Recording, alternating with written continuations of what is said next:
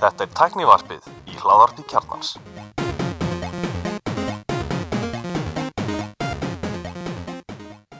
Komið sæl og verð blessuð og velkomin í tæknarfið. Ég heiti Gunnar Reynir, Ég heiti Bjarni Ben Ég er Alli Stefán og með okkur gestur góðu gestur. Já, sælir, Daniel Rosenkrantz, sæl góðu vinnu þáttarins. Já, hann má segja það Þriðið skiptið held ég Já, þriðið er ekki fjóraða með þessa. Já, kannski Og hérna, uh, þú ert mikill áhuga með töluleiki, ert með hlaðvar sem heitir leikjavarpið. Jú, Á- við höfum nú startað það byrjaði hérna í 3 2018 og svo kom næsti þóttu bara árið senna Já, þeir eru, þeir eru tengt í nörd norðusins. Akkurat En þú ert mikill leikja áhuga með og svona kannski, þú byrjaði nú svona komið tilbaka sem Nintendo. Nintendo sérfrængur, já. Já, og hérna, en, en þú ert svolítið svona alliðað ekki. Já, ég og held ég að halla helstu leiki vel að nema Xbox, það er, er þetta bara PC sko. Já, nákvæmlega. Við ætlum ekki að tala um PC-spilinu hérna það er bara, það er bara þjóflöku sem við samsönum ekki mikið. Allir þú spila PC eða ekki? Jú, það var bara sko Já, fyrstu persu Þú sko allir að með Vorum stöð ekki- PC sko. Við vorum ekki að rífast um sko hver var mesti gamerinn í hópnum. Og þið var tefla fram sem mesti gamerinn en það ertu mikið fyrir að klifra í Playstation? Akkurat uh, en það er náttúrulega ég sem er mesti gamerinn í þessum hópi en það original PC Master Race maður. Er þetta svona ef þú spilar leiki í PC þá gildir það þrýr tímar. Já. en bara hálfur tími á, á Playstation 4 er það þannig? Já, Skilji, Ég var nú PC í gamla dag já, þú veist eins og niður kantastrakari Já, ég vorum allir vitli í þessu sko. Hérna, kannski pointið mér svo þetta er svolítið að svona fara yfir að því ég- það er fátt sem ég geri ef við skemmtilega, heldur sem mikið að tölum um jólin. Og Þú byrja hennan svona eina sem þú spilar því að þú hefur ekki tíma fyrir hann að því að þrjú, fimm börn. Sjöböld með áttakonum hérna, já, ég er svolítið að fara yfir þessa leiki sem að, sem að hérna hvað, hvað ámar að setja í pakkan og hvað ámar að gefa sjálfum sér jólugjöf og hvað ámar að fara á playstation útsölun sem er vikulega og kaupa. Þannig kannski bara svona kannski byrjum bara á verður kannski bara, ég var að hlusta á nýjasta þáttin ykkar það er að tala um nýja Star Wars leikin er Star Wars Jedi Fallen Order. Star Wars Jedi Fallen Order og þetta er Já. ólíkt hvað síð, ekki síðasta Star Wars leik þar séðast það, þetta er ekki multiplayer leik, þetta er single Þetta player er leikur. svona þriðju personu hasar uh, Já, Star Wars leikur. Hvað heita þessi komið hana uh, Battlefront 1 Já. og svo tveimar og senn held ég að Battlefront 2 Ég spilaði bara þannig eitt, með þetta hörmunga því það var bara multiplayer, það er bara Já. einhverjur áttar krakkar að típeka mig og hlæja að mér sko. Svo reyndur að inputa einhverja sögu í nummer 2 en já, hún var alltaf í lægi Allt til að, ég kláraði hann, ég veist hún bara fín hún var rosalega einföld og stutt sko, en, en allan er betur en eitt. En þetta er meira bara svona hanna sem bara, bara single player leikur. Algjörlega, alveg frá bara upphællenda stóru mikil saga. Já, mjög, mjög góð, í þriðu personu og þetta er, þetta er mikið að skilmast. Þú ert að skilmast, þetta er með hérna eða þið hafa spilað leikin eins og Bloodborne eða, eða Souls-leikina, þetta er þannig uh, er þannig taktík í leiknum. Þú þarfst að berjast við óvinni einn, í- einn á móti einum og, og það getur hver óvinnur drepið þið mjög öðvöldlega, en hann, fyrir, hann er ekki eins svona íll, eða hvað segir maður? Um, hann fyrirgeði miklu meira heldur en Bloodborne-leikinir, þannig að ég, mér tókst að spila þeirra hann í gegn en ég hef ekki klára eina Souls-leikina Hvað er þetta löng? Dark Souls þess að Já, Dark Souls eða Bloodborne eða, já, já. Já. og allar þessar leiki sem eru svona þú þarft að hana, drepa óvinni og safna stigum og, og fara á okkur svæði til að, að byggja upp karakterin en þarna þegar þú deyrið og þá að, þú dóst, já, byrjum við bara haldum áfram og hana, bara áfram í actioni ég fíla það miklu meira mm. Já. En að því mikilvægasta, Daniel uh, Hversu mikið klefur er í leiknum? Þarna? í, í Star Wars, Já, það er alveg nóg að klifri sko, en hana, ég veit ekki alveg hversu mikið en þú þarft alveg að hafa fyrir hlutunum og, og, og hoppa milli hæða og, og svo lýs já, Ég fyrst og fljóðist að fatta sko, þetta er svona running gag í þessum þætti að, að Bjarni fílar ekki Uncharted, það sem ekki klifir Já, Já. ég, eins og ég sagðis í þar sýsta þetta held ég þá fór ég aftur inn í hann með nýju, nýju hugafari uh, að ég væri að fara að klifra og kláraði leikinn. Þannig ég búið með hann. Fór svo í stats og, og kannaði hvað ég klifraði mikið. Það voru 5 kílómetrar Er það ekki svona ákveðið svona, ábendingum að það sé mikið klifir eitthvað að það eru með ákveðið stats fyrir klifrið? Jú, eða, það, það kemur svo fram þú kerið 20 kílómetra og þú labbaðir 50 kílómetra og klifraðir 5 kílómetra Já. það er einmitt líka uncharted feelingur í Star Wars þannig að Er ekki sami framleiðandinn eða sami direktorinn?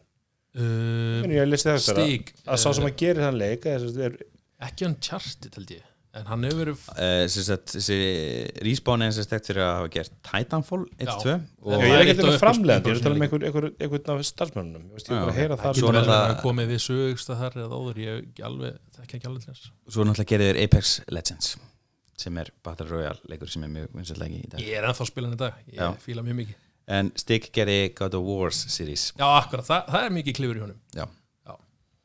Vantar svona í Wikipedia að það sé bara eitthvað svona direktor, er ekki eitthvað slúðis besti leikur sem ég hef spilað síðastlegin tíu árin, hann er mikið, mi miklu klifri sem er Breath of the Wild. Zelda. Já, Já, það, jú, það er mjög mikið honum já, og þú getur mér að vera með svona armor set sem gefur þér klifur boost. Já, akkurat. Þá, þá farið svona bandana.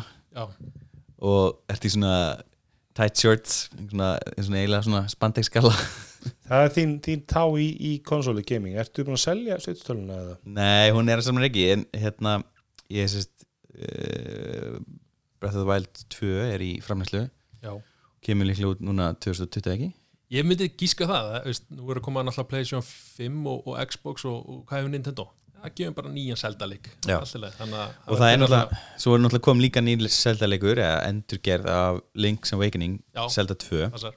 Og uh, ég hef hug á því að spila þann leik og svo Breath of the Wild en ég ætla bara að halda henni og selja hana eftir það Já, hann er að fá rosalega góð dóma Já, Það gerir verið til þess að heiðarleg, heiðarleg svona, eh, hvað kallar svona Það tala um þá Link's Awakening eða? Já, já. já. Jú, ég spila hann í gegn og, og náttúrulega ég spila hann á Game Boy Color á sínum tíma Já, Hann þetta er er- er geimbakólulegur og hann er tiltekir góð svona endurgerð. Já, ég myndi segja það. Hún fylgir alveg borðunum, óvinnunum og svo Já, bara flottur og fallegur og, og skemmtileg grafík þó allir fíla hann ekki en Mér er samt svolítið fyndið að þú veist, EA kem með leik eins og, eins og hennan Star Wars leikur um talum áðan. Já, kosti kannski 100-200 miljón dólar að gera hann leik sko. akkurat. Nintendo kemur með leik sem að tímanni teimi snarað upp á kannski tveimur árum sko. það er sama verið, 60 dólar mm Já, já. hinn leikurinn, það verður komin á 30 dólara eftir tvo mánuði. Já, Nintendo mun aldrei lækka verið þessu leik Nei, ég, ég hissa þeir lekku núna bara fyrir Black Friday og, og svona jólútsri bara, ha, Mario afslætti? Já, já, það var, já, það var samt einhvern veginn þú veist, ég var til í Mario Party, hann lækkaði ekki. Nei. ég var til Super Smash, hann lækkaði ekki. Og veist, þú sko, þegar ég kefti með Switch þá var svolítið hugsunin, ég er með Playstation 4 fyrir mig ég ætla að kaupa svolítið alltaf þessa barnaleiki á Switchið þannig að maður fer í, þú veist, bústaði eitthvað þá er þetta að henda Switchin í krakkana og þá var allir Lego leikinni og alltaf dót ekkert af þessu lækkar.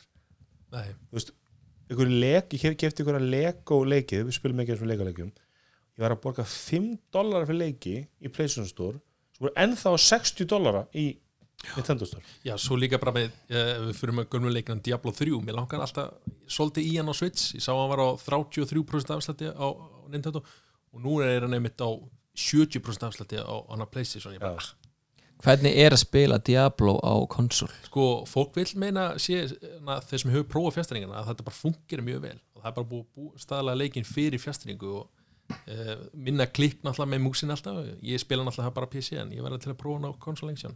Ég, ég, ég spilaði ekki Diablo 3 en ég spilaði Diablo 2 mikið á PC og ég get ekki ímynda með hvernig sko maður er búin að bænda hana set, health og man og það allt sko og þegar maður er í einhver svona final boss að þú veist íta þess að taka ég veit ekki hvað þetta er mörg access per minute en að gera þá á konsolfjastringu ég, bara, ég sé það ekki fyrir mér sko. Nei, það er sömu leikir sem ég vil freka spila á konsol ég er náttúrulega er flottur á PC en eins og Star Wars, ég, það er allan tíma leikur fyrir mig svona konsol einhvern þegar já, algjörlega sko. ég, veist, ég, ég var að spila first person shooter á veist, og það tók mig kannski svona 2-3 leiki til að líða ekki eins og ég væri hálfallaður sko. Þú veist, mér, fann, mér fannst bara fyrstu tóður leikina það var bara svona mér leið aldrei vel.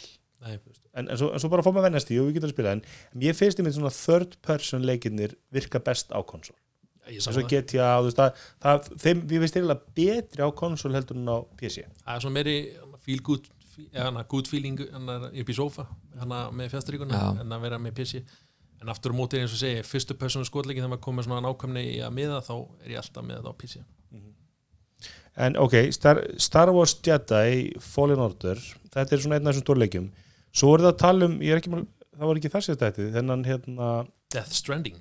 Já, Destiny sem er náttúrulega einhver umdæðisti leikur. Já, hann, hann er næstu í svona skiptir hópum í tvo hluta eins og Tesla í eppin sko. þetta er, þú veist, einhvern veginn alls kannan að hata hann. Þetta er leikur sem að hérna er gerður af, hvað er ekki höfundi hérna, Hideo Kojima. Já, Metal Gear Solid leikina? Já, sem gerir Metal Gear Solid og, og er, er þykir mikið svona listamæður í þessum bransa og, og það er kannski tengið fyrir okkur er það að hann lítur út og er tekinu upp á Íslandi? Jú, og, en gerist í bandaríkjum Gerist í Bandaríkjunum, sko, en hann kom hérna í bara einhverja persónuleg ferð og tók hann er mikill áhuga ljósmyndari og tók mikið af myndum og byggir leikin á útlitið á þeim myndum. Og hvað fannst þér um að leika? Voru prófan? Ég er ennþá að spila hann. Ég, ég kláraði Star Wars bara nú fyrir stötu og, og byrja aftur í honum. Þetta er mjög svona er, er, ég veit ekki hvernig að lýsa hann er svona, þú ert bara að vinna. Þú ert að burðast með einhverja hluti þunga hluti og þú ert að passa jafnvægi og líkamannum og alls konar og bera hluti frá A til B og stundum ertu bara að gera það. Íslensk landslega hoppa yfir raun og annað og já þetta er svona, þú, þetta er ekki leikur þú, veist, þú ert að erfa að vinna þetta og kemur heim og þú, ah, er ekki þetta í Death Stranding? En að fósturinn Páll bara mættu frá strax. En er ekki svaka saga samt jú, utan? jú, öruglega veist, og, og maker hún sense eitthvað, þetta er svona alveg, það er svo eru draugar í, í svo sem kallast BT og þú ert að forðast það og þú ert hérna með unga bat hérna, sem getur bara að skinja draugana og, og eitthvað svona. Mm. þetta er svona mjög svona dulafullt á bakveld Ég er þá kannski oflíðil hasar hann já, þú, svona, þú þarf til að að komast fram hjá hassanum. Þegar það kemur að hérna sagt ferða á þessu svæði sem kallar BT, hérna þegar það koma drauganir að þá þarf það svona að reyna að forðast þá. Og það er einmitt svona og þeir eru út um allt og þeir eru alltaf á þessum stöðum sem þú vilt fara og það var, er alveg, já, já, hvert á ég fara?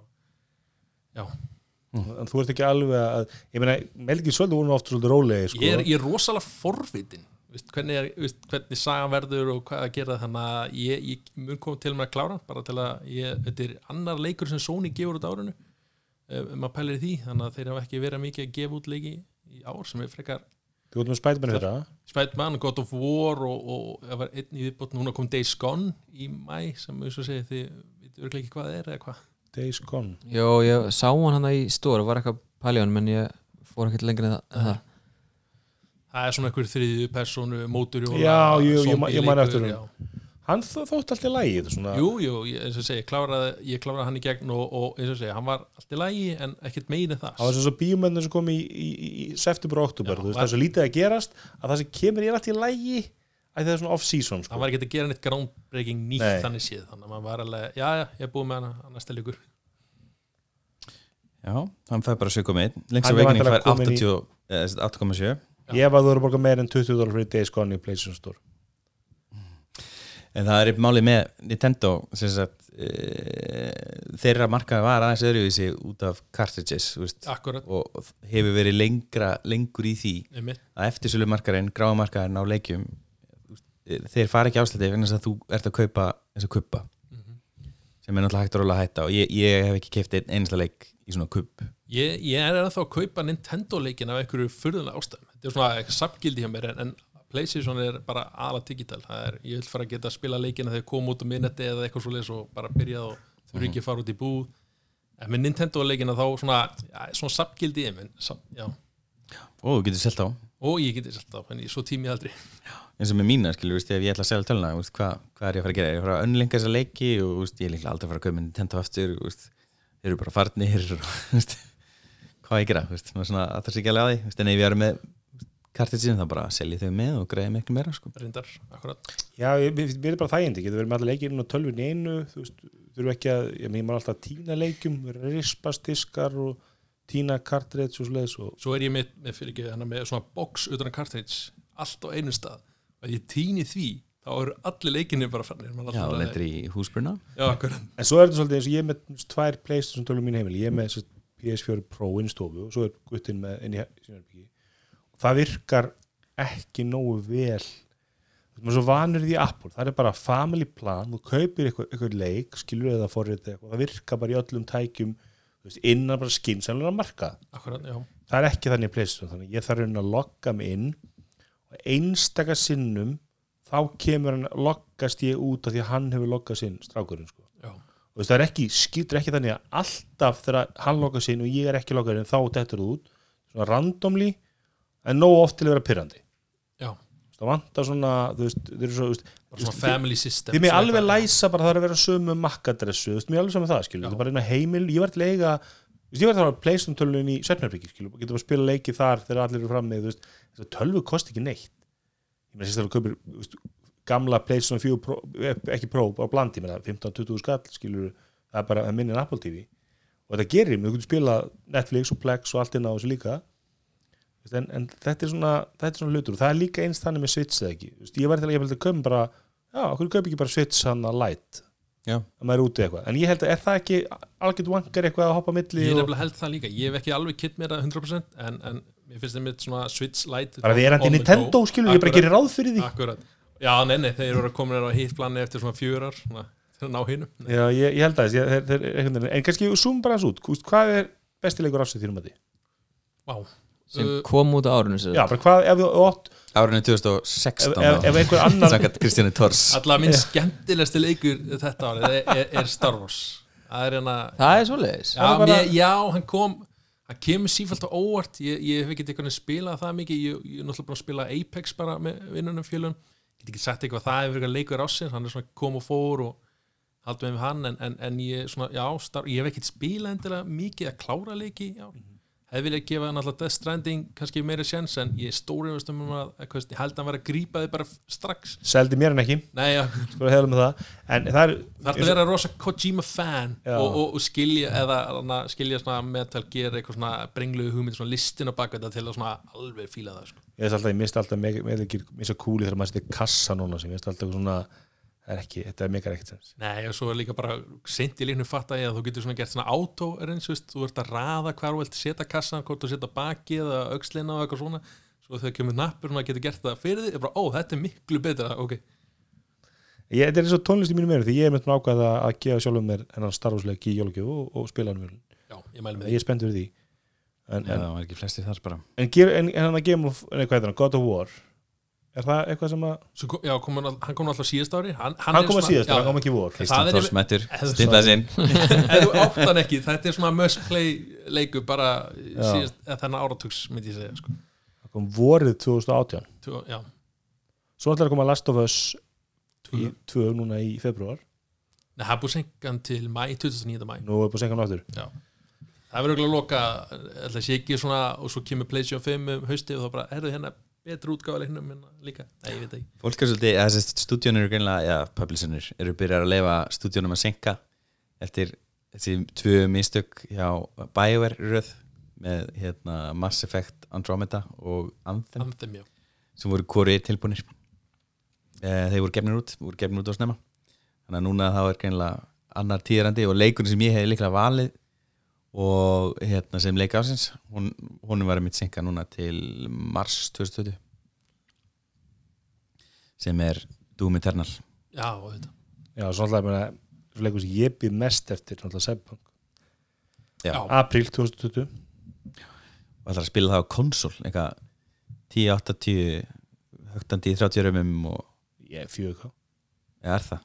Ég er með PlayStation Pro, hann er 4K hann er samt eiginlega engi leikir í 4K þetta er allt eitthvað svona Já, eða þeir eru í fjöga það er búið að forða svo miklu til þess að ná því að ég menn ég er alltaf, þú veist, það alltaf eimað átt ég menn eins og bara eins og með PlayStation 4 það er alltaf eimað á full HD svo var þetta meðum allt eitthvað 650 Aðeins svona, sinum 900 eða eitthvað til þess að veist, þá var, þá var, þú veist, viku fyrir lönns þá bara ok, hér er fremur þetta 100% þú bara fest okkur, þá fattaði engin, sá engin mun sko, þannig ég held að flesti fjöguleikinir er að keri eitthvað svona eitthvað rúmlega 2.5k eitthvað. Já. en En ég get mér einn ein nýjanleik, ég var alltaf eftir eins og Kristján veist, ég kaup mér leikina mína uh, alltaf útsölu 30 dólarar, svona, maður byrja í hvað þetta. Og það var einn leikur sem ég var bara að kaupa eiginlega bara í fyrstu vikunni þegar hann kom út eða annari vikunni eftir að ég heyrði tvo hluti um þann leik. Hann er ekki með multiplayer og það er ekkert hérna, monetization inn í leiknum. Og ég bara instabæ Luigi Mansions 3 eða eitthvað Nei. Nei, þetta er Outer Worlds já, Outer eh, Worlds Outer frá já. Obsidian sem gerði New Vegas hann er mjög flottur ég er búin að vera að spila hann eh, í gegnum hérna, hana Microsoft áskriftarliðina kaupir Já. að 15 pund á mánuð og svo er bara með aðganga leiknum sem er mjög þægilegt Já, í PC þá í PC, já, en þú getur náttúrulega verið með Xbox líka, þetta er. Xbox Pass Ég er þetta já. Game Pass Já, þú ert ekki með Xbox náttúrulega. Nei. Og, og hvernig virkar það? Ertu þú bara að installa leiknum?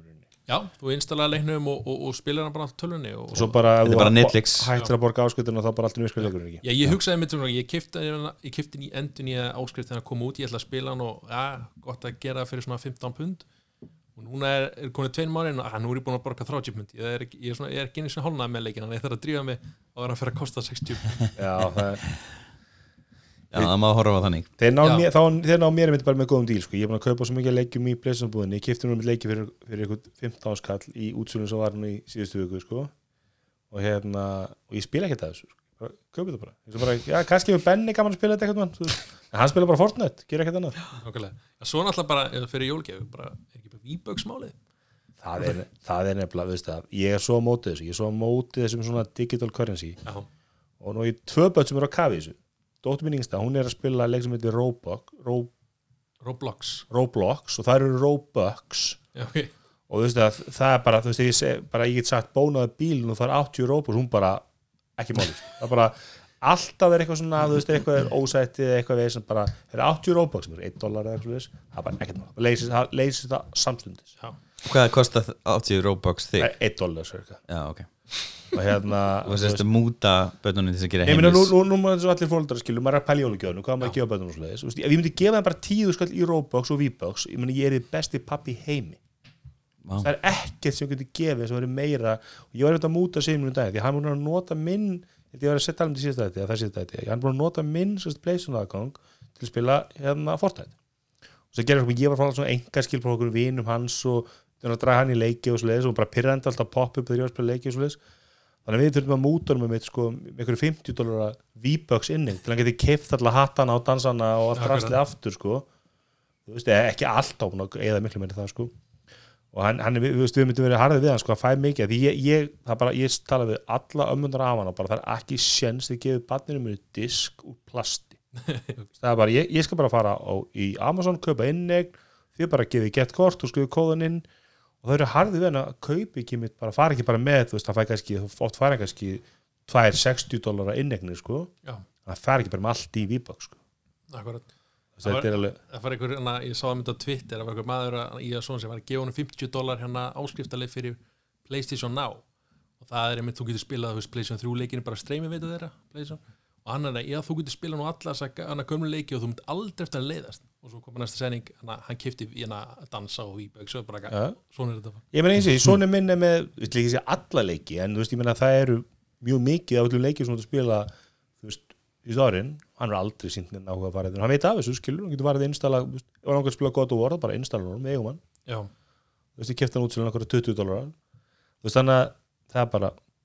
veist, ég kefti hann út til hann okkur 20 dólarar, þú veist, þannig að það bara Fortnite, já þetta, er, svo, þetta er svona multiplayer kynslaðin sem er svona er að koma, eða, það er bara, og, þetta er svona social dæmi, sko, bara að spila með vininum bara aftur, já, ég hef fullt af vinir sem spila bara multiplayer leiki og ég er bara þeir að missa rosa miklu, gott að voru Star Wars og það er bara, Æ, ég fannst þetta reyndar ógæðslega cool þegar þeir stútuðu gamla heiminu, það var bara, það var ekki einhver loftsteinn eitthvað sem lendi á jörðinni? já, já. og svo var bara svart og svona einhver ringur, Ég í tvo daga eða eitthvað. og það var þetta mest sagt, áhorfið á Twitch í tvo daga. Hann var bara með, hann var bara með playstunum gangi og ég var bara, ég var að segja þú, þú bara ekki bara börnin á skjáin, hann var bara með þetta þú voru slökk á milli. Þetta var bara, þetta var svo flott svona PR move sko, þetta var orðið mikil heimur sem skipti hann máli. Einmitt. Ég, ég fylgdist með þessu svartarlundu svo beði ég hann að hann var að fara að leiðin í matabóð hjá tengdó og svo beði ég hans, nei ég kemur til smástu ég held að þetta var alltaf að koma, svo leiði kortir nei, ég, ég næði ekki býð þessu og hafði alltaf streymið svona í gangi á matabóðu nei, nei, það gerist ekkert ykkur daga. dagar eitthvað, það var bara farlega land sko. og svo láðu svona, svona endur hvað segir maður, þú veist endur uppfinna sig eða þú veist, þetta til löguðu mikið af göllum Fortnite leiknum. 2.0 já, sama, á Overwatch núna er að koma með Overwatch 2 eða það ætti bara að vera Overwatch 2.0 þú var svolítið að spila það allir ekki? Jú, Overwatch. spilaði Overwatch mjög mikið. Frábæð leikur. Já. En ég er svona búin að koma Ég fór, kyn- kynnti mér hann aftur. Ég hætti alveg spila hann 2017 Lók 2017 Ég fór aftur í hann núna og þeir eru búin að bæta svo mikið að klössum að ég er bara eitthvað svona ringlaður og bara hraklaðist út. Já, rosalega erfitt að komast inn í aftur. Þetta er svo mikið harkjarna spilurinn sem er að spila. Já, og það er svo erfitt að þi- þú bara þú sökkar alltaf sko. eða þú veist og þá er þetta ekki gaman og Ég er mynd frábær hugmynd og hlusta hérna á bara í, í podcast appinu mínu, þá var hérna FN97 með podcast þráð sérst, og þá var hann í, hvað heitir morgun og þá var sérst Óli Jóels hann í Game TV, Já. að einmitt að gera saman við erum að tala um- tala um svona leikina og, hann kom með hugmynd sko að að vera svona 40 plus server. Bara þú veist, ég, ég, ég, ég er ekkert að djóka ég myndi actually bara fara inn á það að ég nenn ekki, einast ég hætti að spila Counter-Strike, maður var að fara inn á það eru einhverju tíu ára krakkar rífandi kjaft og sko slátraði sko, þetta er aldrei sjens það gerir svolítið automatist þannig að eftir ef þú fyrir að spila rangt e, á Overwatch þar sem þú ert að fá stig svona ladder eins og heitir í gamla hérna, bara þá komið kallinni saman þá dettur þú í einhverjum sillu og, og verður með gömmikvöldanum það sem ég fannst gaman að spila við, við Overwatch, spila Overwatch er að vera með hópa mínum vinnum það sem við erum allir tengdir á sama voice chat og, og erum eitthvað svona að hjálpa okkur öðrum og, það var einmitt mikið svona fagnað fundur í slakkinu okkar í gerð þegar það komið rúmur um hana, Left 4 Dead 3 já, við spilum hann alveg í sko ræmur. Algjörlega. Æðislegu leikur, það var svona fyrsti co-op leikur sem ég, byrja, veist, maður alltaf vænir bara að skjóta vinni sinna sko, en þannig var svona, við erum saman. Mm mótið þeim, það var við æðislega spilum þetta mest þannig að versus mót, það sem við- það eru fjórir zombie þú eru komið fjóra og fjóra en, en, en það er mjög gaman að spila hérna maður spilaði mikið co-op í honum. Já, það er mest í brútal multiplayer sem ég hef spilað sko. en ég, veist að segja það, mér komið alveg óvart hvað Fortnite hefur ekki breytt leikja bara svona meira. Ég bjóst það er ekki við eiginlega allir konum með Battle Royale leik Já, já, ég meina, en, en, en, en sérst, við erum samt að sjá bara að umturna að sjá- leikjamarkarum í rauninni. Við erum samt eins og Call of Duty bara hann kemur 60 dólarar inn að purchase. Það er ekkert svona, þú veist, þetta er ekki einhvern veginn að hafa þennan áhrif að fleiri og fleiri stóri leikir fara einhvern veginn í þetta mótel sko, engum, bara eru bara frýr já, þetta er, þetta er því ég veit ekki, ég, ég, ég tengi ekki við það að þurfa einhvern veginn að fá dans eða hatt sko, ég er sammála sko ég, ég skil ekki en ég, ég næ, þú veist, ég næ mitt ef ég get borga fyrir að vinna hingaðan skilur, fá betri byssu, ekki skil það. En bara einhvern veginn að dansfögnuðurinn sko.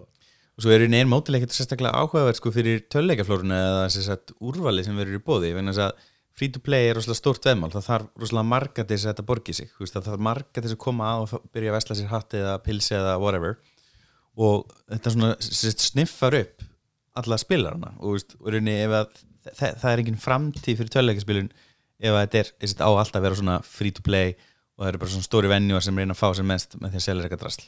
Algjörlega og hérna, með það sem ég elskar við Fortnite, maður kemur ekki skinn í herbyggja á stráknum og það er kannski fjóri strákar en það einn er að spila í Playstation-tölunni, einn er að spila í hérna, PS-tölunni, einn er í iPadinu einn er í símanum, og allir að spila saman? Allir spila saman. Já, það er Mér finnst þetta að, að, að þetta funkar í svona að þú séð bara í rauninni cross-platform og styrir í Fortnite vera svona fyrsti leikur sem fer í Netflix-mótil Netflix bara ákvað, við ætlum að vera bara á öllum plattformunum og það tókst.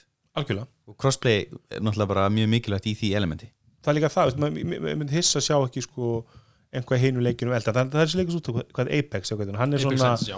hann er svona Fortnite killerinn en gesalaba. Já, var hann að þannig sko? eh, Já, var náttúrulega eitthvað svona, ég held að þeir byggust ekki eins og við því sjálfur sko, eða veist, að að verða svona stórir en það voru ekki tilbúinir þegar kom út hver framleiðir Apex? uh, Respawn Entertainment sem hann að gera Star Wars Já, já, já. Talum EA. að stikk vinniðin Já. hver er munurinn á Apex og, og, og Fortnite? um, Það er eldra fólk á Bet- serverunum betri Já. dansar, Nei, það er, er ekki dans en það er náttúrulega cosmetics og, og svona, byssuna lítið út öðru sig og, og hérna og það er ekki þessi byggingastíl, þetta er bara skotleikur og fyrstu personu allan tíma þannig að ég, ég fíla að ég verið að horfa á na, na, na, Fortnite bara undanfærið svona streamer er bara svo ganni og gaman að fylgjast með þeim sko og þetta er orðið bara svo mikið rugg ringurinn er svo, svo lítill og það er ennþá 50 manns að spila inn á ringnum og já, er þetta samankost að minka einhver ringur jú, svona, já, þetta er bara svona bat- Battle Royale fítur sinn. Sem er svolítið fyndi, þeir fundu upp náttúrulega í hérna PUBG en einhvern veginn, þeir einhvern veginn náðu aldrei sama flugi sko. Nei, og svo hérna farir hérna, Fortnite alltaf, alltaf bara eitthvað svona save the world dæmi, hérna, það var bara svona fjóramanna co-op uh, á móti svona zombies og bara svona leikið sér byggi eitthvað hérna,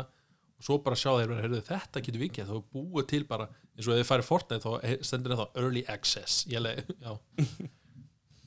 Ég, þetta, þetta er eitthvað besta pívot bara söguna sko. al, algjörlega, sko, Að- þetta, þetta var þetta hérna eins og það Fortnite leikanir í, í, í sumar sem var bara stærsta sem var bara viðbörð sem var hefur haldin held ég við kringu töluleiki fá allar, allar heiminn og spila hérna leik og, og, og allar, allar peningur sem var í þessu fólk var græði eitthvað 20 miljónir bara, já, dólara ég, mun og þeir náðu þvinga Sony sko, til þess að opna þannig að maður getur spila cross-platform. Ekki um það, það er ekkert margir sem geta knésett Sony í leikjabransan sko. Nei, ég held ég nýbúið núna í sístu ykkur svona að opna fyrir ennþá fleiri. Þetta var svona, já, það að opnaði fyrir fleiri þess að dveitur. En Be- Benny spilaði þetta svolítið á Switchuna því það voru svo lélegir þar, hann var alveg kongurinn á Switch sko. Ég veit hugsa það, ég, ég hef ekki komist inn í Fortnite, það var eitthvað gaman að nota bara switchin það, ég held að það er svo ekkit svo góðir spilar það en ég, það skipti mér máli bara með þú veist, svona, segir svona skjástjórnum barnana sinna Já, að þú veist, ef þú ert að interakta við aðra þú ert að rífast í vinniðin og spjalla við vinniðin ég finnst það allt annað heldur einnig herbyggja að spila leiki. Ég, ég, ég, hann má alveg meiri tíma ef hann spila við einhvern við hann líka frá út í fótboltasluðis en hann, hann er svona æmitt þegar hann var svolítið að spila á svitsinu þá var alltaf einnig herbyggja sko. mér finnst það miklu verra. Já, ok, já. Það er ekki, ekkit svona social interaction sko. þá líði kannski svo að þú sért eini fæðin en að, að leifa þetta en þegar hann er að spila með vinum, að það eru fleiri fóreldrar núti sem eru að leifa þetta. Það er alveg mælikvarðin sko, má ég fá 15 myndir viðbót sko, Já. þessi við kannum þetta að spila? Og það er svona mismöndi vinnuna sko, sem er já ok, þessi það er, ein, það, það, það, það er engi stjórn að þessu heimili sko, þú, þú fyrir að sofa núna en svo svona ok, þess að leifa auka hundi, já ok, þá mátt það Akkurat. það er alveg svona, það er svona munur, munur á fóreldrum sko. Það dæma fóldrana gegnum bönni já, algjörlega, algjörlega ekki spurning Já. Apex er hérna Valve hérna Source já, kæra sólsveil Já.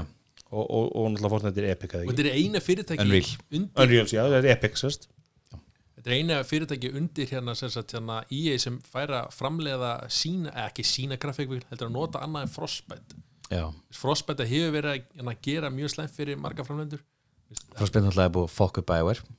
Já, já tala ekki hvernig um og hvað okkur er, þetta er svona, eins og segja, það kom einhver Star Wars leikur sem var í vinslu hana, Amy Henning sem gerði Uncharted leikina og hún var að, það voru ekki til kits eða toolkits inventory, það var ekki til í á grafíkvélinni, það þurfti að hannaða allt upp á nýtt og eitthvað svona nökra sem eru, og svona, þetta er bara svona ný vél eitthvað og, og, og þetta læra svo mikið inn á hana.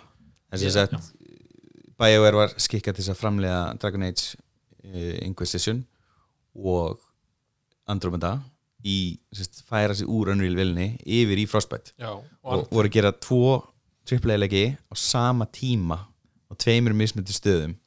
Og það fór bara allt í fokk. Þeir náðu ekki að úst, náninum samlegar áhrifum því að trakkanum voru kerir sikkur tímanum, þannig þeir náðu ekki að mörgja neitt voru að laga sumi bökuna tvísvar og bara úst, Andromeda kemur út og hérna dialog mode, úst, hérna reyfingarnar á mótulunum eru bara í rugglinu og fullt af bökkum og bara allt í ruggli En svo náttúrulega, ég meina, við fáum náttúrulega fengum náttúrulega eitt, fengum stærsta leik síðasta árs á PS-júnuna í síðasta mánu, Red Dead Redemption 2 Já.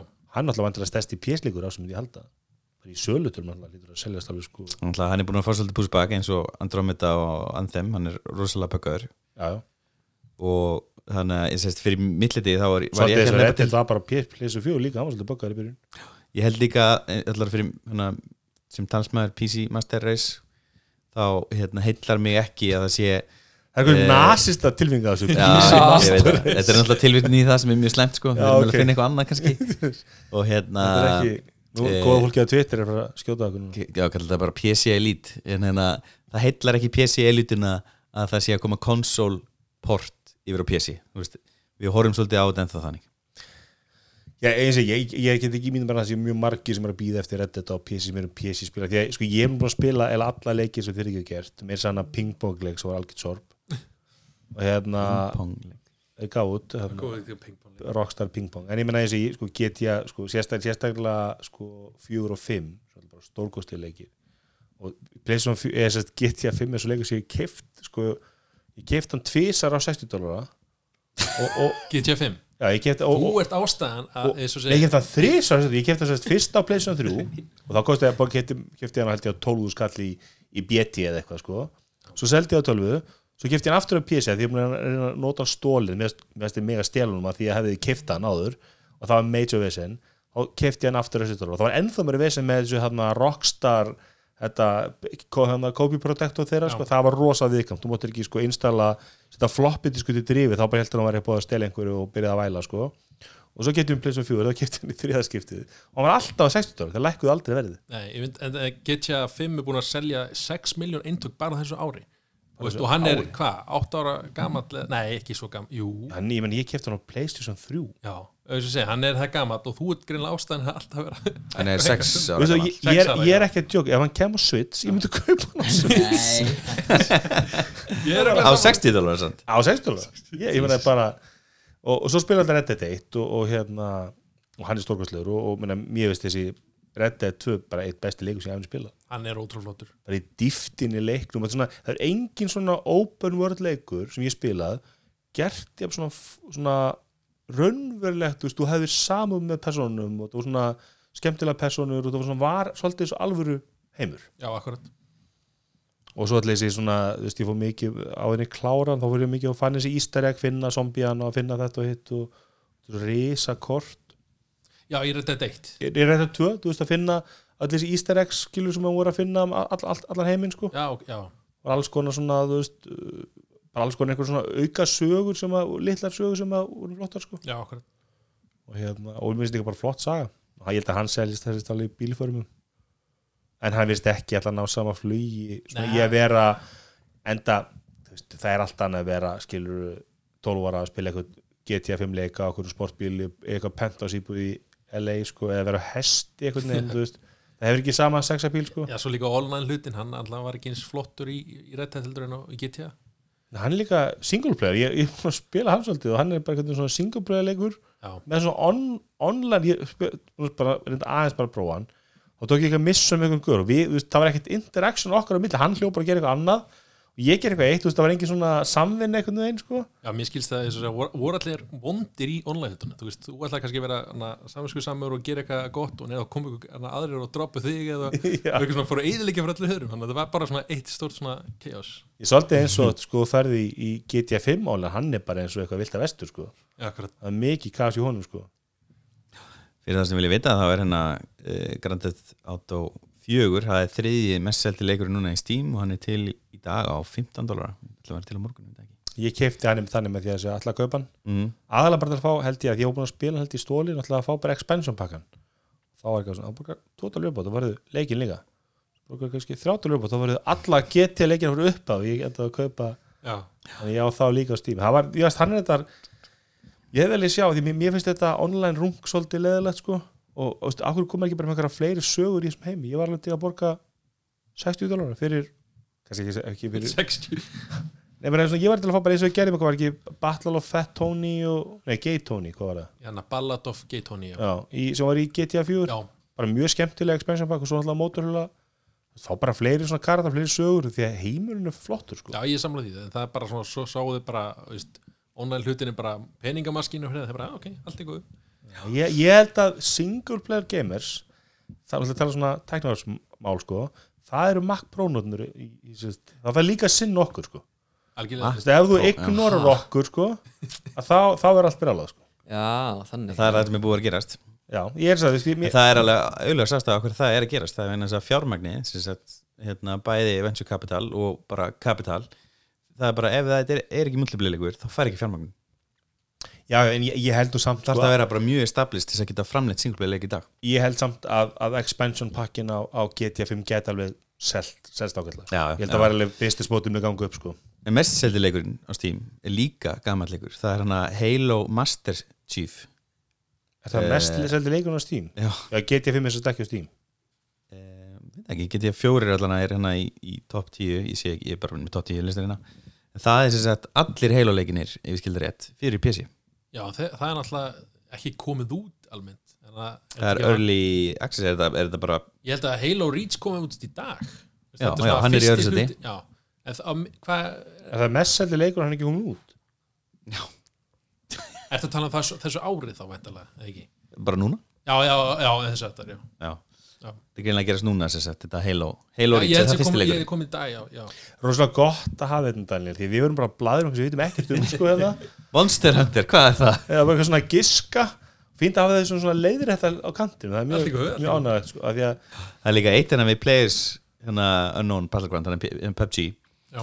er að hann kostar þannig að það eru öruglega engir krakkar þar skiljum hvað kostar hann nú eða þá 30 hann kostar, hann er á tilbúið núna í dag á, og kannski á morgun á 15, hann kostar 30 já, akkurat, ég mitt kiptur hann sín tíma á, á einmitt 30 dólar. Ég, ég fannst hann ekki nú að greip mikið fannst þú mikið verið eitthvað á lottó lottó dæmi að fara hvað eru lendir. Og hvað fyrir skoða luti og svo tók það kannski kort eða tímyndur og svo fórst í action og dó strax. Mm, en Apex kannski er þarna og það, það bara strax niður og, og, og þú- jú, jú, þetta er allt saman svona lott og fyrir byggilegt dæmi en, en svo, það gerist miklu hraðar mm þannig að það hefur svona áhrif á að ég hef haldið með lengur í honum. Mm ég googlaði það best seldu leikja alltaf tíma og nummer eitt er Tetris með meir en 500 miljón eindök Já, og þú keft nokkuð mörg af því. Ég keft líka nummer tvö í nokkuð eindök og það er Minecraft 176 miljón eindök kemur ekki GTA næst eða? svo ekki mér getið fyrir með 110 miljón eindök og hann er afslutið núna í PS4 hvað Wii Sports í fjóraða uh, já 82 miljón eindöka og já, hann er alltaf fylgditt með tölvun þannig að það er svolítið svindl og Player Unknown's Battleground með 50 miljón eindök Ok. Hm. og svo endur við í ykkur Pokémon drasli. Red and Blue, Green, Yellow 40 miljón eindök Það fyrir ekki, þetta er hérna þetta á 5 Super Mario Þetta er- Bros 40 miljón til að lítið og hann fylgdi líka tölvunni þannig að það eru 40 Mario Kart Wii Hvað, er GTA 5 must play? Ég, ég nefnilega Ég datt alveg út úr þessu, þú varst byrjað að berja hórur og, ég meina ef þið finnst gaman að berja hórur skilur Ja, mér finnst eða það nefnilega ekki, langar að berja hórur hann er líka, er það tala um nýjasta eða, eða nummer 5, Nú 5, hefur ekki spilað hann eða? nei, Nei, hann ég hætti í 2 já, ok, já ok. Hætti Þá hætti elitan í þetta er alltaf þetta er svona eins og Red Dead þetta er svo, djú, uh, ekki sér djúb sagan þetta er bara svona, í, í, skemmtileg við nummer 5 og getur hana, svissa mellið þrjá personur og, og þetta gerist alltaf saman tíma Þetta er virkilega vel tæknivarpið skrifuð 2015. saga. Þetta er virkilega flott Þeir taka svolítið, þeir taka svolítið svona hít bíómyndina, þá stemmingu svona, ska- svona skarfei stemming þetta er svona þetta, er mjög vel skrifuð saga mjög skemmtilega personur og svo er þetta bara svo grand leikur, þú veist bara, þú getur gert hvað sem þú vilt, þú farið bara heimir og þú veist, gera hann ópið án þess að fara út í hvað heitir hann hinleikurinn sem að er, það er til tveir svona fáralegir Just Cause. Just Cause. Sem við getum bara að taka þetta sandbox út í ykkur að vittleysu Já. en, en þeir eru aldrei þar. Þetta er flott sag, þú spilar söguna. Svo smáadrein svo líka mikið bara eins og í Red Dead, Red Dead Redemption 2 að þetta er svo mikið lagt í smáadrein, bara allt saman. Kena, keira, keislunar og, og svo er svona stock market og þetta eða vilt vera ríkur í leiknum þetta fylgjast með því og kaupa mm. leigubílastöð og já, ég, meni, ég er búin að spila, ég ætla ekki að klára, hann- tvisar og ég meina, þú veist, þetta er rosalega stór og mikill leikur, þú færði alveg klála your money square, það er saman með Red Dead, ég var alveg, veist það var ekkert bara það, það tók mig ára að klára það því að ég er svo liðlega að spila þetta er bara úslega langur og mikill leikur. já, mjög langur. Mm. ég er búin að spila, klára tvo leiki síðan skilur sem voru stuttileikir þannig að þú, ert að fá alveg þína peninga verið, þetta er fyrirtæki það er mínum að þetta er flottasta stúdíu heiminum, svona kannski, þú veist, það er kannski þið sem er að gera Witcher hann og er að fara að gera Cyberpunk CD Projekt Red. Það er afskaplega töff stúdíu en svona, þú veist, þeir gera bara sem sýnist og er að gera og gæði þótt að auðvitað koma leikindi böggar og allt það, en þú veist, þú lagar það á nokkur vikum, skilur akkurat. gæðin á bara contentinu, voice actinu, sögunni er svo rosalega mikil. Maður líka bara hefur ekkert eins mikið þegar maður er eldast maður hefur ekki eins mikið tíma í töluleiki þá er maður frekar spila einmitt eins og Red Dead Redemption 2 eða God of War eitthvað sem er bara veist, A-klassa leikur. Svo líka ég man, ég er að spila hana, hana San, Andreas þá var mikið bara að fara eitthvað að fara að lifta svo var maður að geta, hitti kærust þú veit ekki kannski bara timdu, þú varst bara eitthvað svona garfa bara, þú veist ekki að gera neitt. Hmm. það er svolítið í Reddit, ég var rosalega mikið að veiða í Reddit Já, ég, ég, svo var hann í lokleiksins þá hann að komst því að ég borða á lítið. Það er líka hægt og þá hann að hann að, veit ekki hvort að stamina eitthvað eða, eða orkan, hann að held hann var ekki eins mikið. Menn þurfti alltaf að hafa allt þetta kjöt til að geta verið í þessu maður bullet ég, ég var að, hæ, þarf maður að hugsa út í það? Eitthvað svona í lokleiksins, ég var að myndi passa að finna ekki, nei, nei, ég var að borða á lítið. Hvað endi fegst þú? Varstu, góður. já, góð, góður, jú. En mér skilst það sko að slæmi hafi ekkert verið það sérstakur. Ég var með sko, kannski einum hatti frá vera sko vestur. Vestur, já, ég var alveg með, alveg þar sko og hérna vestu bara going rogue bara, en það hefði rosalega lítið að ég borgaði bara alltaf bánti þá letum við fyrir því sko. Og ég, ég hafði eitt fylgið alveg bara í bánti 1500 eða eitthvað. Já, svo fór ég bara í það til að leika mér þá koma alltaf strax einhverju bánti hendur sko. já, þannig að þú var svona í En bara ég fekk þess að vond endin það sem, Já, að, ok. sem að rinni, hann haf, endaði ekki vel fyrir, fyrir Arthur Morgan. Já, það var svolítið svona töff endir það er svona, svona töff að sagan endi er svolítið eins og í Call of Duty Modern Warfare þegar þú karakterinn deyr og hann er bara dauður.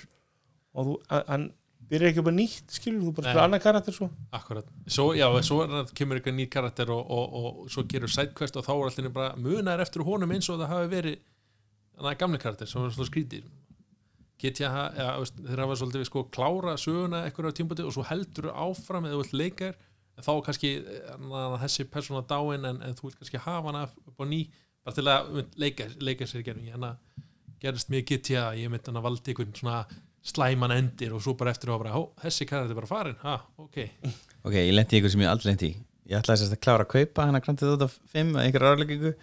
Og þegar ég var sérst að það, ég hef búin að íta setja hann í kart. Og þegar ég íta á pay eða sérst buy now og þá fór hann sérst loka síðana þá hækkaði hann um upp í 30 dólar aftur. Í kartinu hvað var 20 ára hlust 15 Já, hann er komið þangað alveg? Men hvernig kom hann út? eh, 2013 á Playstation 3 eða ekki? 2014 á 4 Jú, það allan að hérna er líst 18. november 2014 Já, hann var að tala um að væri í rauninni hann var svolítið lélugur á pleysu þrjúum sko. hann var svolítið mikið göttaði niður sko. já, já, meina, já, skiljanlega. Því að hann er alveg að mikið svona detaillagt í umhverfið og, og bara runnar og fleiri svona til að gera flótt er ekki sagt með Last of Us 2 að hann sé PlayStation 5 leikur jú, en hann sé já, hannaður fyrir PlayStation 5 og svo kemur eitthvað dömdan útgáð fyrir PlayStation 4 og... já, ég, ég veit jú, alltaf ekki. Ég, na, það er bara að býða að sjá hvernig það er orðrómurinn sko, allan með menn þessi, þessi grafa þessi veist, en með við, með við en að neðnastu kynslu á leikitölu þá veist að kötta á loading tíma. Alveg fyrst og fremst, þú veist, það var tekið eitthvað demo hérna á Spiderman í tók hann á PlayStation 3 tók hann 15 sekundur að hlaða inn umhverju en 0,8 sekundur á, á nýja kittin á PlayStation 5 þannig að það er svolítið kött á það og við vorum að finna um SSD diska í, í já, akkurat. hvað er þetta SSD, hefur þú gert um þetta? Nú, Uh, nei. Uh, En uh, leikur afsins 2020 uh, ætla að koma með spá, dóma um það? Cyberpunk. Cyberpunk. Cyberpunk, já, Cyberpunk eða Last of Us, það er annað þið er ekki að hugsa út fyrir kassan Ég ætla að segja samt uh, fyrir mitt leiti Final Fantasy 7 remake. Fyrir 2020-2019 2020 Hann kemur út í mars. Final Fantasy nr. 7 Já, endurgerð. Já. var það endurgerð nummer 7 eða? Já, bara sama saga og í 7 nei, þessi, er þetta sjöndi skipt sem endurgerð leikin ekki alltaf Nei. endurgerð að vera 7 En uh, sérst, ætla að laga gameplay þú veist, er þetta ekki Þetta er bara- outdated gameplay? Þetta er, nei, nei, nei, þetta er alveg nýr leikur sko. Þetta er alveg nýr leikur, Já. okay, það var þetta ekki það þetta ekki alveg En þetta endur er sumi karakter og svona Sagan er endur sögð hann lofar enda rosalega góð Þið er að gleyma stærsta leiknum. Hvað? Ástæðan fyrir við erum allir hérna að borða að vera að kaupa okkur VR headset. Half-Life Alyx. Já, vá, hvað, engan á það það var Half-Life 2 er eitthvað svo lélu þetta er full upp sko. Half-Life 2 lélugur það var lélugur Ég var að skoða metakritik hérna Half-Life aðeins til 1 þess að er leiðri þetta gulla í þessu. Kom held ég 2003, nei 2005 Half-Life 1 er síðan spila sko. það er bara æðis Half-Life 2 er með 96 á PC það veit pöpullin um töluleiki? Uh, og Half-Life googla High 1 School er með Musical. 96 High School Musical með svona 98% Nei, það er meina ég veit ekki, ég, hann, ég veist hann, ég veist hann ekki mér veist alltaf mikið Nú ertu bæðið að stimplaði inn gegn leikisögunni og sem leiðilegi pappin sem hattar söngleiki. Eh, uh, High School. Musical uh, 100% le leikurinn eða myndin? Er til leikur? Það er margi leikir ertu það að spila? Ég er á Metacritic þú veist þarna, og ég er komin inn á game ég held ekki að skæða leikinni fá minna en myndi það er ekki að Já, það. Já, já. leikur? Það er veginn svona Byrju, ert þú ekki alveg. jú, ég, já. Er sko þetta Hérna High School Musical þrýr þrjú myndin fær 57 Já, það er með þrjú, hvað fyrir mér eitt? Hún er ekki komið upp sko. Star Wars þrjú var verst sko. Uh, Númer 2 fær 38% er það upp eða niður, hvað var nummer eitt? Og þrjú. High School Musical Sing It. Er það fyrsta? Er, er það þættir eða kveikmyndir eða? ekki um mynd ok, hvað er það að tjá þig? já, bara einhvern veginn að verja dismöndu að hafa ég ætla að ég man það. Ég spilaði Half-Life 2 er, er monumental leikur. Hann breytir hvernig leikir eru gerðir sko. Þú veist, þetta er bara, Half-Life gerir það bara. Nei, Half-Life 2 hvernig Half-Life gerir 2 var alveg, alveg stórt dæmi sko. Það er bara, þú veist, Já, ég man eftir því, en saga, hvernig var það? cutscene Gravity Gun, algjörlega þú veist, nýtt Já. leikurinn er ég smíðar það, ég kefti Orange pack, pakkan hann það og leikur sem spilaði mest var Portal. Orange pack. Já, kemur ekki vart, hann var mjög flottu líka. Já, mjög góð leikur, besta lag í töl, töluleika ver besta lag. Still Alive. Já. Hérna og þú gæðilega bara með, Gulli. Heldur bara, bara í lífunu þá hérna Stadia þú, þú er eitthvað verið að hérna, meina, þú vantar að fylgjast með og þetta er náttúrulega bara rauninni nýr player á markaðanum bara Google gefur inn, ræður fullt af fólki úr bransanum setur óbúðslega peningi í þetta. Hvað er orðið á gutin, er þetta framtíðin? Sko, þegar þið kynntu þetta þá var þetta bara rosa hérna skell, eða ekki ekki skellur, þetta var svona sprengið, það var bara, wow, þetta er einmitt framtíðin. En núna er ég svolítið fann að efins sko, eða veist, að þið er búin að hafa svolítið svona rough lunch þú veist, þannig að veist, eru leikinir að virka, þú veist, sum, voru voru að tala um hvað velbúnar er eða terafloppin séu hérna, tí, nei, betra endur en Playstation 4 og Xbox til saman. En svo er þeir ekkert að keira á 4K, true 4K eins og, eins og þeir segjast gera. Veist, ég ekkert já, Já, sko, þeir eru náttúrulega alltaf að taka vídeoströym og þeir eru að kompressa hann það er eitt af trikkanum sem þið gera til þess að geta gert þetta. Já, og það þarf að senda hann í gegnum netið þannig að þú ert eins og hérna þessi Íslendingur sem er að postaði mikið inn á hérna, spjallið á vaktinni sem er búin að prófa þetta, hann er sérst að testa þetta á Selfossi á 4,5G frá Nova. Ok. Og þegar hann er búin að vappa inntekin sig þá var hann að fá 14 megabita tengingu og hérna örglu og svartíma sem er ekkert sérstakur. Þannig að allt þetta hefur náttúrulega áhrif á þetta þannig að hann er bara að fá 720p kompressað og sem sagt, 720p kompressað versus 720p á Playstation 3 fyrir fram að þig þú veist, er bara ekki sambarhæft Nei, En það er líka sko hínlegin að, að, að þetta er er ekki, sko þetta er faktis ég þú segir, aflið í vilinni er það mikið, þetta er náttúrulega bara á pari við PlayStation 5, ef ekki já. það er engin leikja fyrir að búið leiki fyrir PlayStation 5 En svo kemur þannig að, þannig að leikinir eru bara sömu leikinir á PlayStation 4 Pro þá Já. Þannig að þú veist, þeir líti ekkert betur út tóta aflið sem miklu meira. Nei, svo, svo held ég að ætla að koma fría útgafa af einhverjum fría áskrift útgafa næsta ári. En allavega segjum, svo- segjum að Star Wars kæmi hérna veist, á Stadia veist, og myndur þú kaupa hann á Stadia? Eða þú ert að kaupa leikin alveg 60 dólar eða hvað það heitir. Eða þá myndur þú kaupa hann bara á PC sko, sölupunktunum svolítið sá, ég kaupi leikinu á stati á 60 og ég spilaði hann í, í sjónabunnu, í iPadunu í símanum, þú veist, hvað sem er. á sem er óslega góðu sölupunktur Já, menn, og þú getur bara tekið Chromecast og, og hérna einhver kontróler og bara farið til útlanda og verið, já, tengt bara við sjónabið alls saman og þú bara komið leikinn í gang. Ég lærði með á sem stativerðum að það er Ethernet tengi, þú tengt Ethernet við hérna, Chromecast Ultra. Krónkast Ultra. Já. Ég veist það ekki. en hérna það er ásast að það er ekki strömbreytinu að en hérna æðislega hugmynd. Og ég horfði mikið á þetta á svona review-vídeum sem allir voru að prófa þetta á síma þeir sendu með eitthvað svona einhverja festingu á fjastringuna sem festir síman við. Já, og, og þetta, eru bara pixel síma til að byrja með við mun að koma á alla síma. Og þetta er æðislega hugmynd þess að það var bara ekki að virka með. Það var svona, það var svona slöpp upplifun áruslega mörgum tækjum og þessi bara góð upplifun í einu tæki, hvort viltu akkurat. Þetta er alveg klára framtíðin eins og, eh, og núna er Microsoft núna hanna, hanna Project X sem er bara þeirra cloud system þannig að þeir eru á næsta ári munur kannski gefa út það. Þá áttu geta gert það sama spila þetta á símaninum uh, iPadnum og, og í sjóupinu þannig að bara Xbox Everywhere, þú veist, á PC og alls Var það ekki komið út, xCloud? uh, Það er kannski í, ykkur test held ég að langa að segja. Já, ég sá eitthvað review um það að gera, Já. kannski eitthvað svona early access. Já, ég hugsa að segja eitthvað svoleið þú ert að það er að bjóða þér í þetta og ég eitthvað x langa tíma svo hana, hún er endur hann sko fyrir fyrir framleiðendunar leikjaframleiðendur er náttúrulega snild það fer bara kostnærum við að kaupa tæki niður í skilur 30-40 dólarar fyrir kontrólerinn. Ég tala ekki fyrir niður eða það kaupir eitthvað eitthvað fyrir frían kontróler í staðin þegar það er að kaupa PlayStation 4 sem er að kosta hvað er það 30-40 skall í Íslandi ódýrasta típan.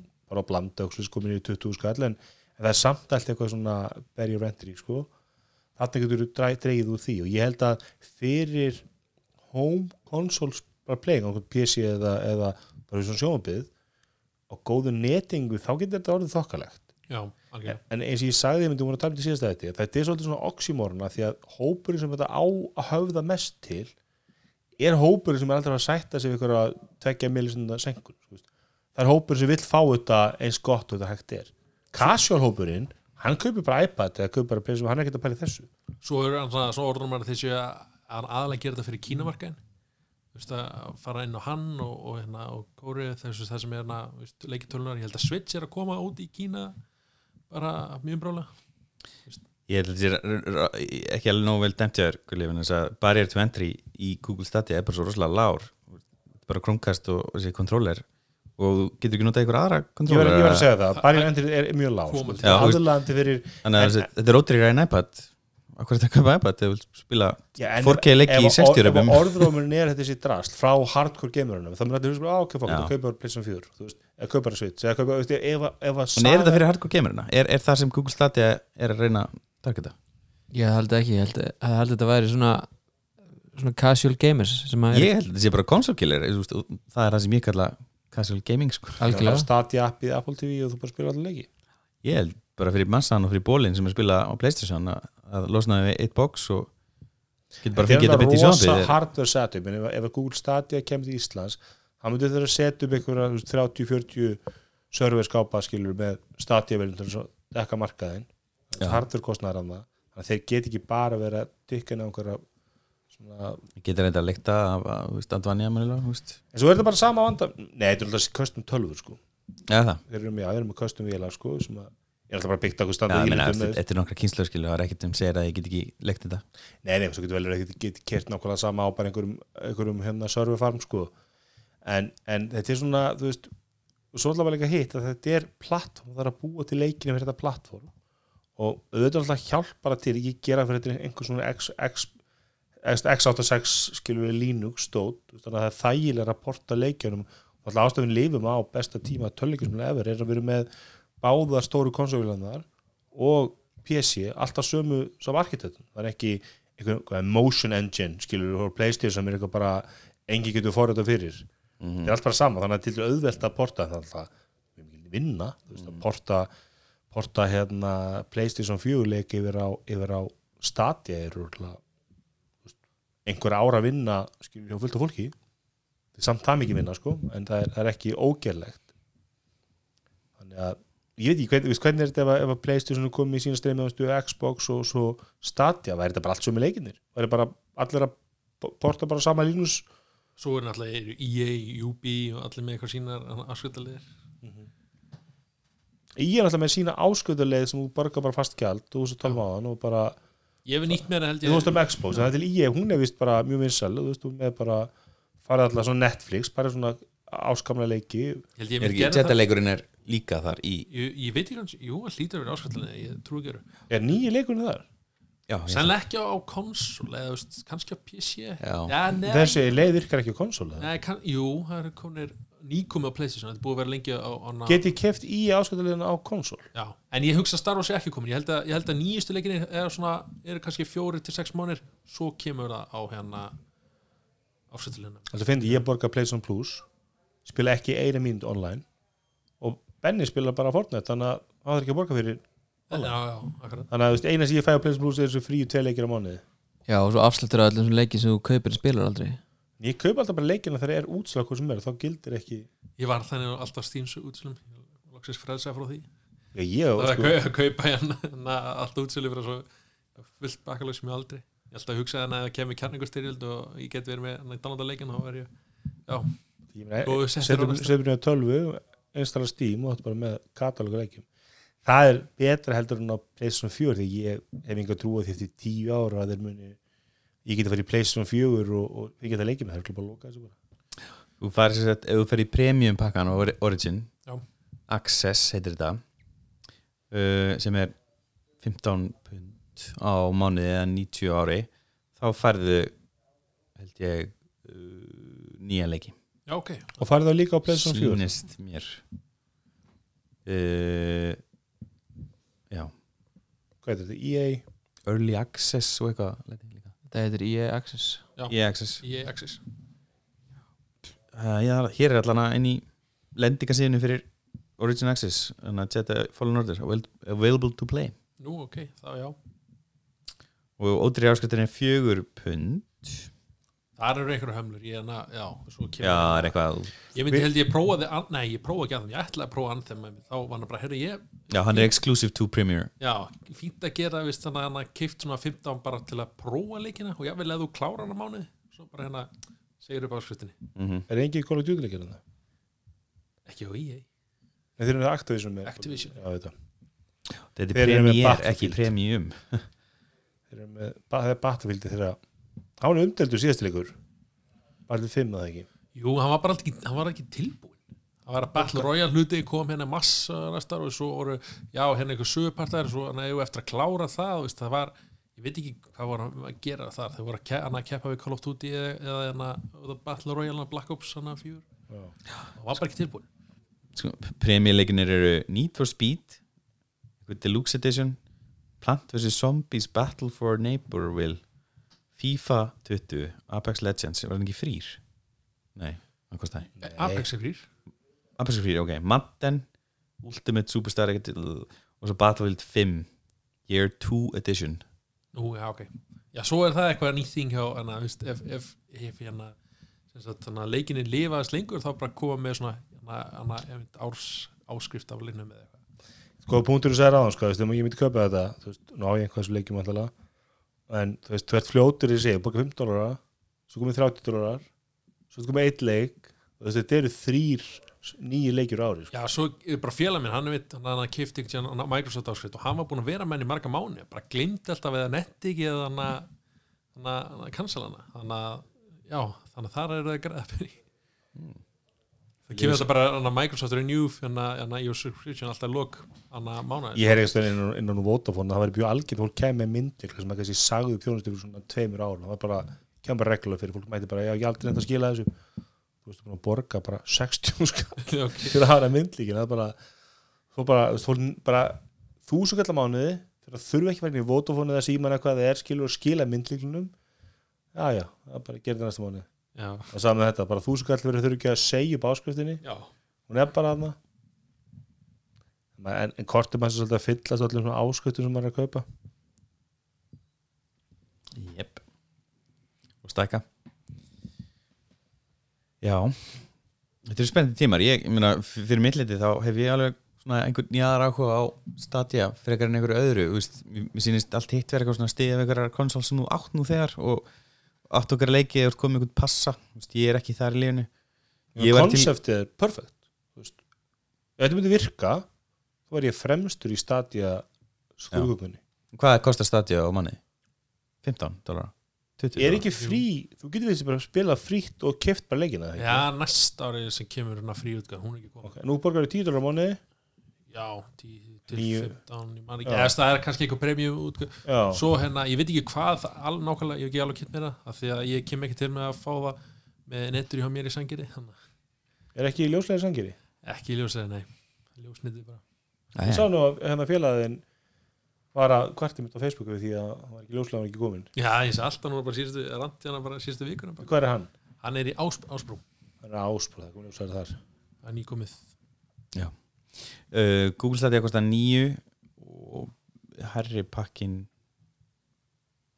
nei, já, 9 dólar manni. Þetta þarf að ná flugi og þetta þarf að ná flugi strax af því að annars er enginn að búið til leiki fyrir þetta og fyrir enginn leiki, til leiki fyrir þetta þannig að það, þá krasa þetta sjálf þannig að veist, þetta er, þeir þurfa að ná miljónum nótenda mörgum miljónum nótenda svo eru Google með þekkti fyrir ef einhvað gengur ekki upp þá bara sópaður undir borðið bara nákvæmlega sem ég þetta sagði, gerist þetta að Google drepur börni sín grimmar en okkur annar. Og það er bara ef, ef, ef, ef, ef þeir missa áhugaðan þá bara labbar í burtu. Og þú veist og þá, já þú stúd, Google Studio kefti vilt að leikjum þetta þetta er bara, þú getur bara sleppt í sko. Er, eru leikinni fastar en enni? þú getur ekki já. inn á neina aðra þjónustu þetta er bara Google Stadia leikir. Ég prófaði eitthvað svona einhver, einhver, svona, einhver svona veitu sem er örgulega að fara að selja sig til einhverja annar aðala einhver svona startup og hérna þar er henni bara loggaði inn á mig inn á Steam. Mitt eigið Steam. Þetta var bara, ég var bara inn á einhverju virtual vel loggaði mig inn á allt mitt og, og náði það og spilaði og allt eitthvað. Það var svolítið gul það er sniðu, þannig að það fætt sér bara annað afbrið að Stadia skilur vera remote og þetta er alltaf er bara að tala með þessa, þessa þinn klienta bara í þú veist áratug skilur. Ég meina, það var var- ekki hann að GOG Galaxy 2 nei, Mm, nei, nei, það var ekki Larry Ellison langar eða hérna 93 um, sko bara framtíð væri þinn klænt allir væri bara með eitthvað, eitthvað terminal sem bara tala við netið og, þú veist, og þetta er bara upplifun er ekki góð. Ég menna, og þetta er grafískri vinslutinnis þú veist, þú getur leiktir vélar fyrir bara eitthvað 15 dólar á mánu sem eitthvað monster vélar bara, þú veist bara, klippa vídeo eða vinna, vinna ljósmyndir eða hljóðu eitthvað svoleiðis, en Er- upplifun er aldrei fullkofin þetta er Playkey sem ég prófaði. Leiki ég prófaði einhvern singleplay leik og, og hérna þetta virkaði bara nokkuð vel. Ég prófaði þetta í Android svona boxu sjónbið úr bara minni PC-vél bara notaði hann EA, nei hann Nvidia, þeir eru með svona eigin svona virkni sko. Það var alltaf lægi, það var ekkert gallalust ég er líka búin að prófa þess að play, hérna PlayStation 4 remote play hérna Já. það er sama, ég er með- er fínt Wi-Fi heima og það, jú, ég gæti alveg notið þess, þú veist, var alltaf lægi en þeir eru ekki selja neitt box ég geti bara pluggað í, í sjónbin herbyggi þetta er ekkert þeirra core business. Nei, og því maður langar ekkert sérstaklega miklu vil- vilja miklu verið að selja með bara PlayStation 4 tölvu án þess að styðja því ég geti átt fyrir Þannig að- ég veit ekki ég, veist, ég er mjög spenntur í staði ég er alltaf góðbjörn þátt þessu Elmar hann er á kit og er að býja þetta að að spila þetta og að það er út að þráða vaktin allir sem að menn eru það er ekki fyrir einn og fyrir tveir sem hafa keift þessu kit og er að spila og, og hann er sáttur hann á fjögur hungi og, og, Já, og við stóðum sáttur. Spurningu sem nægi sem þessi maður er. Sko, hann færi mig til að rosa baksla hennar kemur ykkur hérna einn alveg svo, spínu sóða keftur og alveg bara, þetta er bara mest að þvæla sem ég hef lesið. Og ég er að, er að refressa þið og er að lista aftur var með þetta gamalt í nópið það var hann eitthvað búin að bakka hana þessi sem var hérna mest á mótorum sko og hérna strákurinn er búin að upplota screenshotum og þetta lítur bara þakkilega út sko. Já. það er bara skrít að spila leik sem er vídeo, ég tók upp þetta því að spila þetta, þetta PlayStation 4 remote play. Þetta verður svolítið astanlegt þegar þú- það missi, það verður svona smá smöts í vídeo sko, að bara svona, maður svona disconnectast við leikin, þetta er ekki leikur þetta er allt í er vídeo af leik mér finnst það svolítið sérstæð sko, þannig að það, veist, þú, þú þarft að hafa ákveðin gæðastandard á grafíkinni að þú sjáur hún ekki veist, að horfa á vídeo. Þú bara, þú tekjar eftir spila töluleik Er það í PlayStation Now sem þú prófa? Nei, sko heitir Eða þetta í, remote play? já, bara sem ég með, þú veist, ég prófaði bara að spila í hérna iPadinum. Já, einmitt, remote. Og það virkar ákveðlega, ég meni sérstaklega hún komið með kontrollerin tengdan við. Veist, en, að ég veit ekki, þú veist, þetta er svona hlutur, það virkar bara hann heimilinu, þú veist, það ekki að virka við neti, ég enga trúi því, Ég held að það sé ekki stutt hann sko. ekki sem stutt, nei. Ég held ekki. Þú veist, þannig að skilur, jú, jú, þú veist ef að ég vil, ég menna, með maður sögðan saga sem að heyri, þú veist, kona vil sjónvarpið þú finnir herbergi, það er svona algjörn mú, sko. Og sumir ánæði með þetta, aðrir ekki. Hvað er það að horfa á, Bjarni?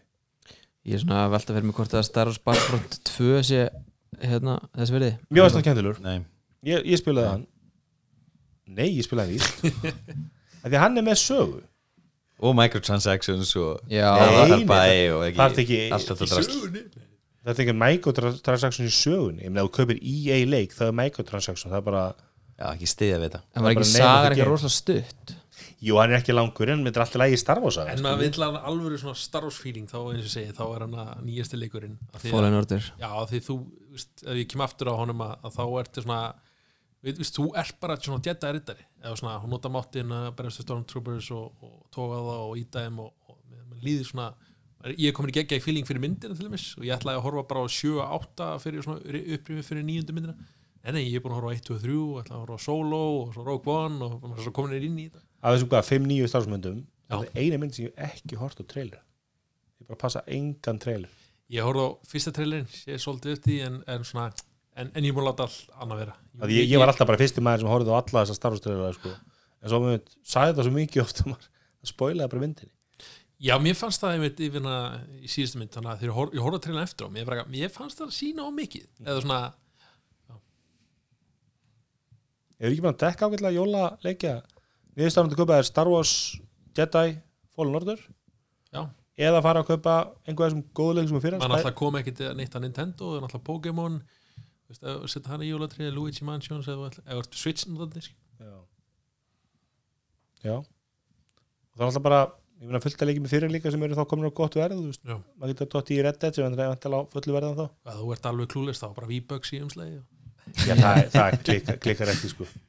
Já, ekki, gefa, ekki gefa börnunum ykkar eða barnabörnum hérna, ekki. á plasti, please. Bara allt stafran innregnir Ég held að Red Dead sé á afslætti, nei, hann varða að það ekki, Black Friday. Það er bara Black Friday. Á Epic Store þá eða, eða? Ég held sér ennþá bara í PlayStation 4 bara, bara fullt Nei, já, já, PlayStation, Já. PSN, já. Það fara alltaf sem konur í gerðin á þátt og það er engi búin að tala um neina gæsir. Untitled Goose Game.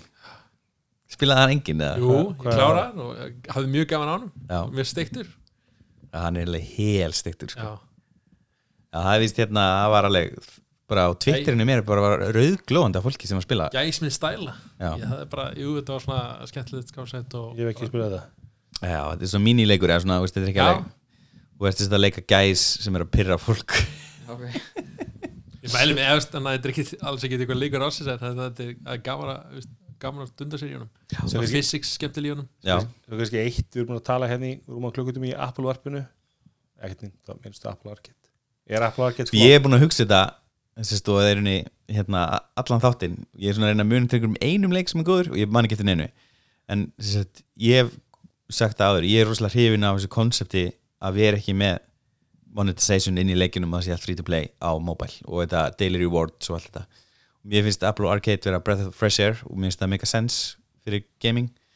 Litli frendi minn sem er nýjóna núna eftir nokkra dag, hann hérna er búin að spila eitthvað svona leik með daily rewards og rugli og hann er orðin bara svona pínu kvíðinn og obsessed yfir þessu. Já, og er svolítið húgt Já, hann er svolítið húgt og hann, og hann er með þrjá aðganga í þreim mismundi sim, ég mömmu sinni hjá pappi Já, og svo, þú veist, tjópömmu sinni.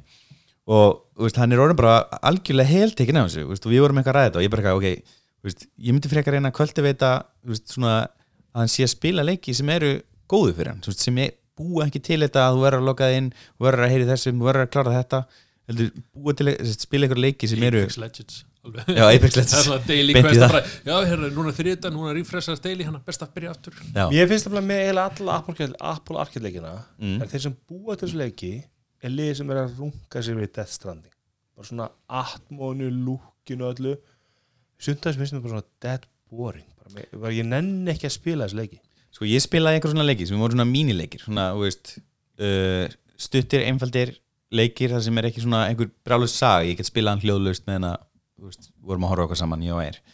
Og svo fór ég að gara í einhverjum möguleikum sem eru svona með einhver svona sögu og svona og þess að kemur svona heyrnantóla merki þú veist, þau starta leiknum og svo kemur bara tíu minna intro, þess að þú ert ekki að gera neitt. Það er bara að vera, veist, undirbúið okkur sögu. Ha, það er stranding Nei, ég, ég, ég, veist, já, eins og leikurinn þar sem hún spilir einhver unglingstelpu og það er ekkert ofbeldi leiknum og svona ok, þú veist ég fíla framlæðið skilur, mér finnst lúki flott. Mm ég bara, mér langar ekki að spila hann. Bara, þú veist, þeir eru ekki að selja mér hann skilur Einmitt. Hvað leikur var það? mann ekki verið eitthvað svona uh, Gott Life is sem sagt- Strange Það er eða að tala um Sayonara Wild Hearts? Nei, hann lúka vel. Hérna Það er plattformir eða svona Þetta, er- þetta er að allra leikjar jú að mæti flottasti leikurinn sko, það er ekki- hann, er held Apple Arcade Exclusive sko, hvað heitir hann? Nú. en, en var ekki Það er ekki þessi Ocean Horn nei, nei, hann er lóður En sérst, bara það að það sé konceptana sem er ekki með allt þetta rusl sem ég finnst vera Mhm. sem sagt, skemma fólk Mér finnst það svo heillandi og ég vona að Apple Arcade slá í gegn og ég vona að Android komi með seipa koncept Já. Líka. Ég finnst það no-brainer. Ég er alveg sammálaður en þú veist þarf ekki að vera hægt að spila þetta á öllum plattformum til þess að þetta sé þarna inni? Var það ekki eitthvað requirement? Að þú getur spilað þetta á iPhone, iPad þarf þetta ekki controller endilega? Jú, þetta er þannig. Ég held að þetta verður bara aldrei gott Því að þetta er út af því sko Já, það getur mikið til því sko, Þetta verður, þú veist eh, Þú þá talum að þetta verður aldrei AAA leikir sem koma hann út og munum virka öllum. Já, ekki það, það meika triple A, náttúrulega þú sens veist, bara svo þú veist Dead Cells til dæmis þú veist, sem er svona 2D scrolling leikur, mjög góður. Þú veist, ég sagði fyrir mig að spila hann það inni, Mhm, þetta er bara svona einfaldur leikur þannig séð. Þetta er ekki, þú veist, Red Dead Redemption. Mhm. þetta er Where En- Cards Fall. Óbúslega flottur. Leikur sem þetta. Where Cards Fall, ég er ekki búin að prófa hann. En, en, en mjög, mjög töflúk og svona eins og ég sko, þú veist, vant þetta er svolítið sem er Netflix sko. Ég veist Netflix svolítið ná flugi þegar drastlið koma Netflix líka. Skilur, þegar kom bara þessu cooking hvað er hann að þeir eru að baka ykkur á kökur það lítur út og svo. Overcooked. Overcooked. Nei, sem veist, í, á Netflix hvað er þátturinn hann að þeir eru að ah. Já, nailed it. Nailed it, þegar Netflix voru kom bara með svona þætti fyrir pöpulinn bara, bara svona eitthvað, bólinn bara. Mhm. Við veist, vantar svolítið bara svona Við veist, komið bara með leik á Apple Arcade sem er eins og hérna Við veist, eins og, hvað heita þessir hérna Æ, Candy Crush bara. Candy Crush Killer bara sem er einmitt ekki með punches, sem ekki, kom bara með svona skemmtilega símalegi. Ég þarf ekki, ekki spila leik sem er upplifun. Mhm. skilur, skilur, bara koma einhvern veginn heilusa skemmtilega leiki, það er það sem ég er til að spila ég veist, ég, og það er alveg þennan leikir en það er bara, sérst, nú er ég, ég, ég búið með alltaf það sem ég fann sem voru svona léttir og nettir og gett spila með því að horfa sjónbið ég prófaði ekki allar leikina en ég sóttu alla Mm. og by far besti leikurinn sem ég spilaði á Apple Arcade er hann að cricketleikur, hvað er hann? Cricket Through the Ages. Cricket Through the Ages, Það ég bara- skildi hann ekki alveg. Það er æðislega leikur, basically pointið er það að allt er cricket, Mhm. allar íþróttir eru cricket, þannig að fótbolt er bara afbyrðað cricket, þú veist. Það er að skrifa mikið, miklum cricket aðdáðanda sko, Mhm. þetta er ógæslega siljuleikur ógæslega heimskulegur og kontrólin eru skelvel, þú veist eitthvað hvað það gera sko, en ég gæti alveg þú veist, ég tók heilt flug bara í cricket through the 80s bara í tvo tíma sko. Ég eti örgulega yfir mm, 15 eða 20 klukkstundum í hana Outlanders. Já, en ég heins að ég ætla, ekki að afskrifa Apple Arcade strax og ólíkt Google þá er Apple mjög góðir ég var þólumar, læra mistökunum breyta, aðlagast. Ég meina, staðin þannig í dag að Airpods eru 16 miljard dólarar business fyrir Apple Airpods. Þannig að Apple kann að býða Apple getur bara rólegir það, nú er þið bara vantilega með miljón markað sem sem að skoða hvað vil fólki hvað, hvað vil, af hverju er menn ekki að kaupa áskutuna og við munum sjá flotta leiki ég, ég, spáði því eftir ár þá munum við vera miklu ánæri með Apple Arcade.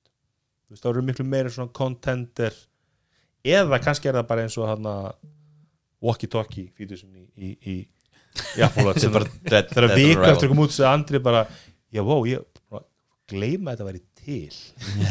Og ef við erum þar eftir ár bara, já, Apple Arcade ég mun að segja þetta på kortinu mér, ég er alltaf að rukkar um það. Þá er það búið.